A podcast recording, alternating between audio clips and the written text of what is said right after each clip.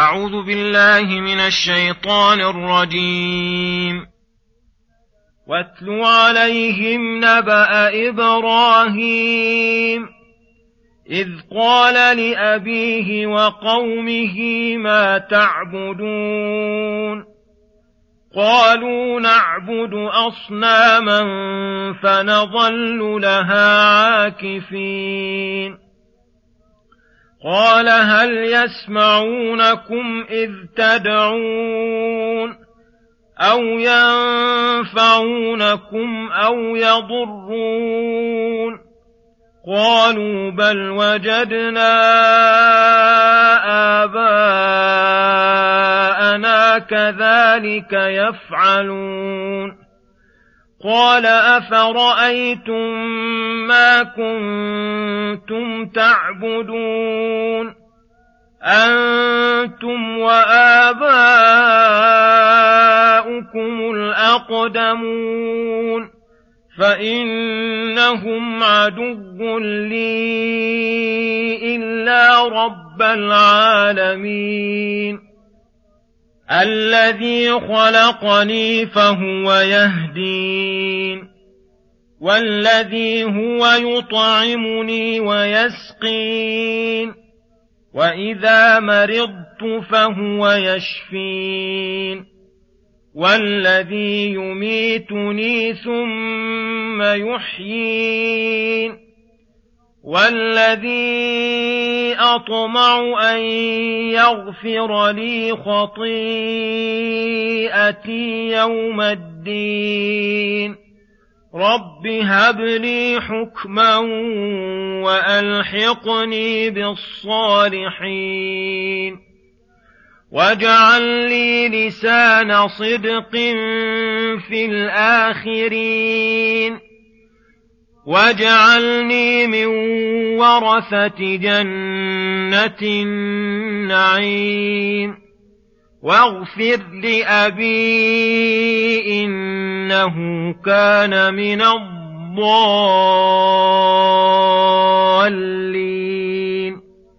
ولا تخزني يوم يبعثون يوم لا ينفع مال ولا بنون الا من اتى الله بقلب سليم وازدفت الجنه للمتقين وبرزت الجحيم للغاوين وقيل لهم أين ما كنتم تعبدون من دون الله هل ينصرونكم أو ينتصرون فكبكبوا فيها هم والغاوون وجنود إبليس أجمعون قالوا وهم فيها يختصمون. تالله إن كنا لفي ضلال مبين. إذ نسويكم برب العالمين.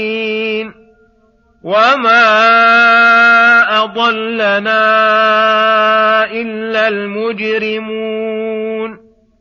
فما لنا من شافعين ولا صديق حميم فلو ان لنا كره فنكون من المؤمنين ان في ذلك لايه وما كان اكثرهم مؤمنين وان ربك لهو العزيز الرحيم. بسم الله الرحمن الرحيم. السلام عليكم ورحمة الله وبركاته. يقول الله سبحانه واتل عليهم نبأ إبراهيم. أي واتل يا محمد على الناس نبأ إبراهيم الخليل وخبره الجليل. في هذه الحالة بخصوصها وإلا فله أنباء كثيرة. ولكن من أعجب أنبائه وأفضلها هذا النبأ المتضمن, المتضمن لرسالته ودعوته قومه ودعوته قومه محاجته إياهم وإبطاله ما هم عليه ولذلك قيده بالظرف فقال إذ قال لأبيه وقومه ما تعبدون؟ قالوا متبجحين بعبادتهم نعبد أصناما ننحتها ونعملها بأيدينا فنظل لها عاكفين أي مقيمين على عبادتها في كثير من أوقاتنا.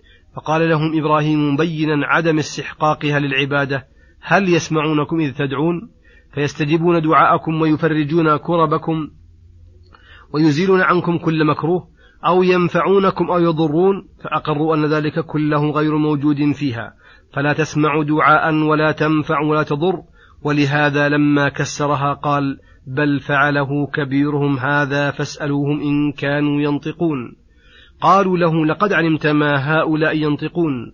أي, أي هذا أمر متقرر من حالها. لا يقبل الإشكال والشك. فلجأوا إلى تقليد آبائهم الضالين. فقالوا بل وجدنا آباءنا كذلك يفعلون. فتبعناهم على ذلك. وسلكنا سبيلهم. وحافظنا على عاداتهم. فقال لهم إبراهيم أنتم وآباؤكم كلكم خصوم في الأمر والكلام مع الجميع واحد أفرأيتم ما كنتم تعبدون؟ أنتم وآباؤكم الأقدمون؟ فإنهم عدو لي فليضروني بأدنى شيء من الضرر وليكيدوني فلا يقدرون. إلا رب العالمين الذي خلقني فهو يهدين هو المتفرد بنعمة الخلق ونعمة الهداية للمصالح الدينية والدنيوية. ثم خصص منها بعض الضروريات فقال والذي هو يطعمني ويسقين وإذا مرضت فهو يشفين والذي يميتني ثم يحين والذي أطمع أن يغفر لي خطيئتي يوم الدين. فهذا هو وحده المنفرد بذلك فيجب أن يفرد بالعبادة والطاعة. وتترك هذه الأصنام التي لا تخلق ولا تهدي ولا تمرض ولا تشفي ولا تطعم ولا تسقي ولا ولا تميت ولا تحيي ولا تنفع عابديها بكشف الكروب ولا مغفرة الذنوب. فهذا دليل قاطع وحجة باهرة. لا تقدرون أنتم وآباؤكم على معارضتها. فدل على اشتراككم في الضلال وترككم طريق الهدى والرشد. قال الله تعالى وحاجه قومه قال أتحاجوني في الله وقد هدان ثم دعا عليه السلام ربه فقال رب هب لي حكما أي علما كثيرا أعرف به الأحكام والحلال والحرام وأحكم به بين الأنام وألحقني بالصالحين من إخوانه الأنبياء والمرسلين.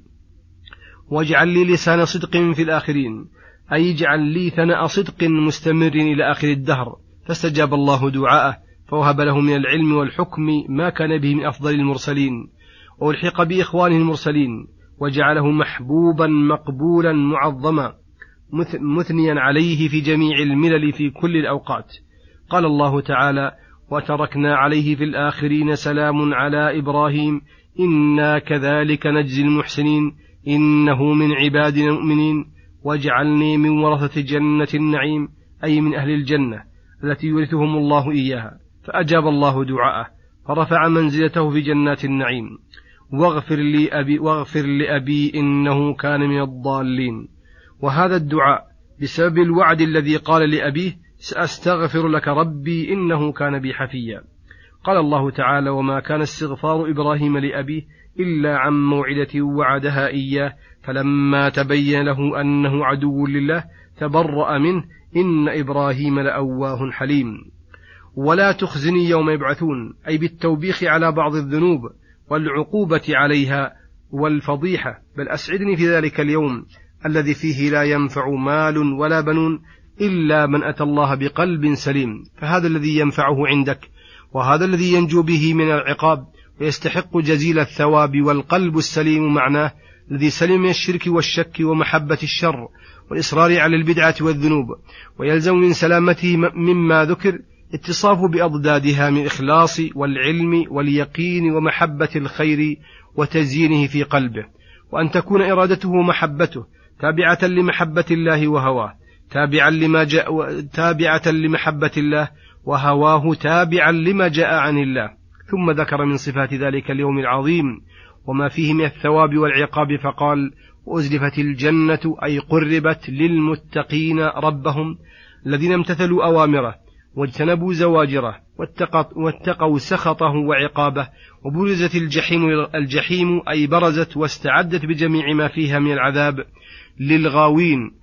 الذين أوضعوا في معاصي الله وتجرؤوا على محارمه وكذبوا رسله وردوا ما جاءهم به من الحق وقيل لهم أين ما كنتم تعبدون من دون الله؟ هل ينصرونكم أو ينتصرون بأنفسهم؟ أي فلم يكن من ذلك من شيء؟ وظهر كذبهم وخزيهم ولاحت خسارتهم وفضيحتهم وبان ندمهم وضل سعيهم فكبكبوا فيها أي ألقوا في النار. هم أي ما كانوا يعبدون والغاوون العابدون لها. وجنود إبليس, إبليس أجمعون من الإنس والجن الذين أزهم إلى المعاصي أزا وتسلط عليهم بشركهم وعدم إيمانهم فصاروا من دعاته والساعين في مرضاته وهم ما بين داع لطاعته ومجيب لهم ومقلد لهم على شركهم. قالوا أي جنود إبليس الغاوون لأصنامهم وأوثانهم التي عبدوها تالله إن كنا لفي ضلال مبين إذ نسويكم برب العالمين في العبادة والمحبة والخوف والرجاء وندعوكم فيما كم وندعوكم كما ندعوه فتبين لهم حينئذ ضلالهم وأقروا بعدل الله في عقوبتهم وأنها في محلها وهم لم يسووهم برب العالمين إلا في العبادة لا في الخلق بدليل قولهم برب العالمين إنهم مقرون أن الله رب العالمين كلهم.